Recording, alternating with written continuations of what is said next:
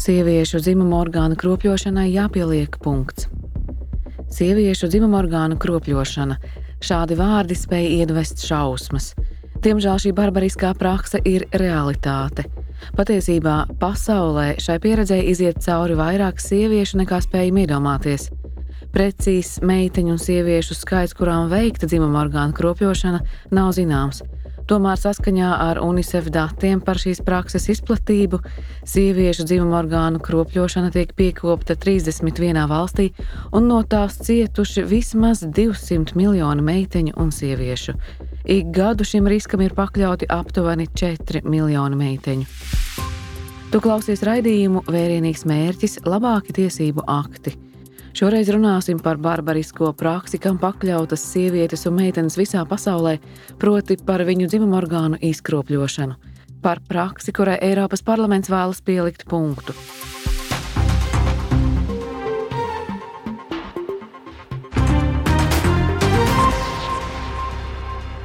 Kas īsti ir sieviešu dzimuma orgānu kropļošana?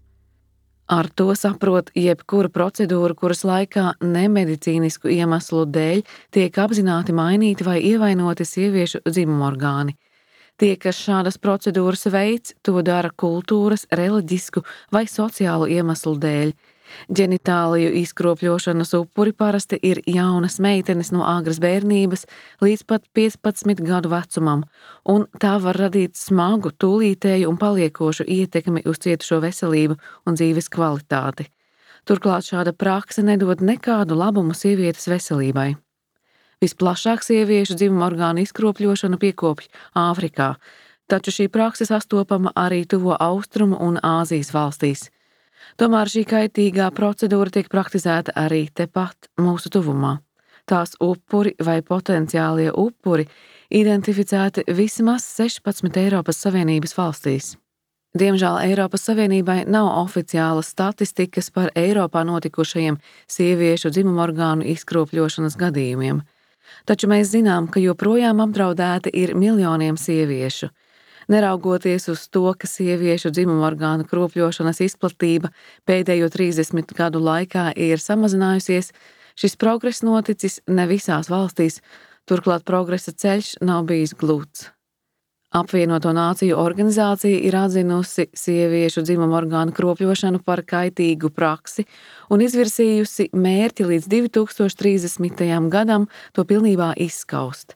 Lai to sasniegtu, ANO ir pasludinājusi 6. februāri par starptautisko dienu, kas veltīta cīņai pret sieviešu dzimumorgānu kropļošanu. Atzīmējot šo dienu, ANO cenšas palielināt sabiedrības informētību. Taču šajā cīņā ANO nav viena, rīkojas arī Eiropas padome. 2017. gadā tā pieņēma Stambulas konvenciju, kuras mērķis ir novērst un apkarot vardarbību pret sievietēm – Šis ir pirmais līgums, kurā atzīts, ka Eiropā notiek sieviešu dzimumorgānu kropļošana.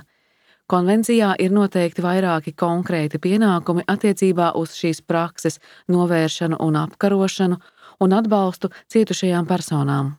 Tā stājās spēkā 2023. gada 1. oktobrī. Bet nu palūkosimies tuvāk uz to, kādus noteikumus šajā jomā pieņēmusi Eiropas Savienība un kāda ir tās politika un nodomi. Eiropas Savienības nostāja attiecībā uz sieviešu un meiteņu dzimumu orgānu kropļošanu ir nepārprotama. Tā ir vardarbīga izturēšanās pret bērnu un uz dzimumu balstīta vardarbība, un Eiropas Savienība ir apņēmusies to izskaust. Turklāt ar to tiek pārkāpta virkne cilvēktiesību, to vidū tiesības uz veselību, tiesības netikt pakļautam spīdzināšanai un nežēlīgai, necilvēcīgai vai pazemojošai attieksmei, kā arī tiesības uz dzīvību, ja runājam par gadījumiem, kad šī procedūra izraisa nāvi. Šīs pamata cilvēktiesības ir nostiprinātas Eiropas Savienības pamatiesību hartā. Diemžēl šo kaitīgo praksi ir īpaši grūti uzraudzīt migrācijas kontekstā. No valstīm, kurās ir izplatīta sieviešu dzimuma orgānu kropļošana, ik gadu Eiropas Savienības valstīs patvērumu meklēja aptuveni 20 tūkstoši sieviešu un meiteņu. Apmēram tūkstots patvērumu pieteikumu ir tiešā veidā saistīti ar sieviešu dzimuma orgānu kropļošanu. Kopš 2008. gada šis skaitlis ir pastāvīgi audzis. Eiropas Savienības direktīvā par patvērumu meklētāju uzņemšanas apstākļiem ir atzīts, ka no šīs prakses cietušās personas ir starp vismazāk aizsargātākajiem patvērumu meklētājiem. Nav šaubu, ka svarīgi ir aizsargāt potenciālos upurus, bet kā ar cietušajām personām, proti, sievietēm un meitenēm, kurām jau veikta dzimuma orgānu izkropļošana? Lai gan Eiropas Savienībai pat labā nav juridiski saistošu instrumentu, kas sargātu sievietes no vardarbības, vairākās jomās pastāv nozīmīgi noteikumi. Piemēram, direktīva par cietušo tiesībām nosaka juridisku pienākumu sniegt atbalstu vardarbības upuriem, to vidū sievietēm un meitenēm, kas ir dzimuma orgānu kropļošanas upuri. Taču Eiropas Savienības vispārējais mērķis ir panākt, lai kopienas pašas spētu īstenot ilgtermiņa un ilgtspējīgas kultūras pārmaiņas. Tas ir vienīgais veids, kā šo praksi varētu izskaust pavisam.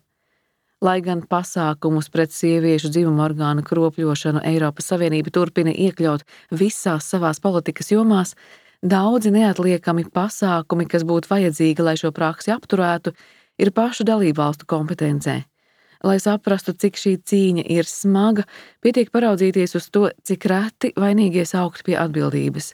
Šobrīd visu dalībvalstu tiesību aktos sieviešu dzimuma orgānu kropļošana ir atzīta par sodāmu noziegumu, vai nu kā konkrēts noziedzīgs nodarījums, vai kā miesas bojājumu vai fiziska kaitējuma nodarījums. Tomēr realitāte ir tāda, ka vainīgajiem ļoti reti nākas stāties tiesas priekšā. Eiropas parlaments kopš 2001. gada ir centies panākt, lai vainīgos sauc pie atbildības, un ir gūts zināms progress. Atbalsts dalībvalstīm vainīgo notiesāšanā nu ir viena no Eiropas Savienības prioritātēm. Eiropas parlamentam un tieši sieviešu tiesību un dzimumu līdztiesības komitejai ir bijusi būtiska loma sabiedrības informētības palielināšanā, Tas sieviešu dzimuma orgānu kropļošanas problēmu ir izvirzījis starptautiskās darba kārtības prioritāšu saraksta augšgalā. Lai līdz 2030. gadam šo praksi izskaustu, nepieciešama trīsvirziena pieeja. Šāda prakse jānovērš, jāaizsargā cietušie un vainīgie jāsauc pie atbildības. Mums priekšā vēl tāls ceļš ejams, taču viens ir skaidrs - Eiropas Savienība pilnībā iestājas pret sieviešu dzimumorgānu kropļošanu.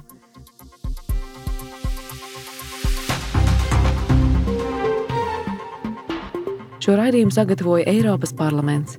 Vairāk raidierakstu var klausīties Eiropas parlamenta tīmekļa radio Europarl Radio.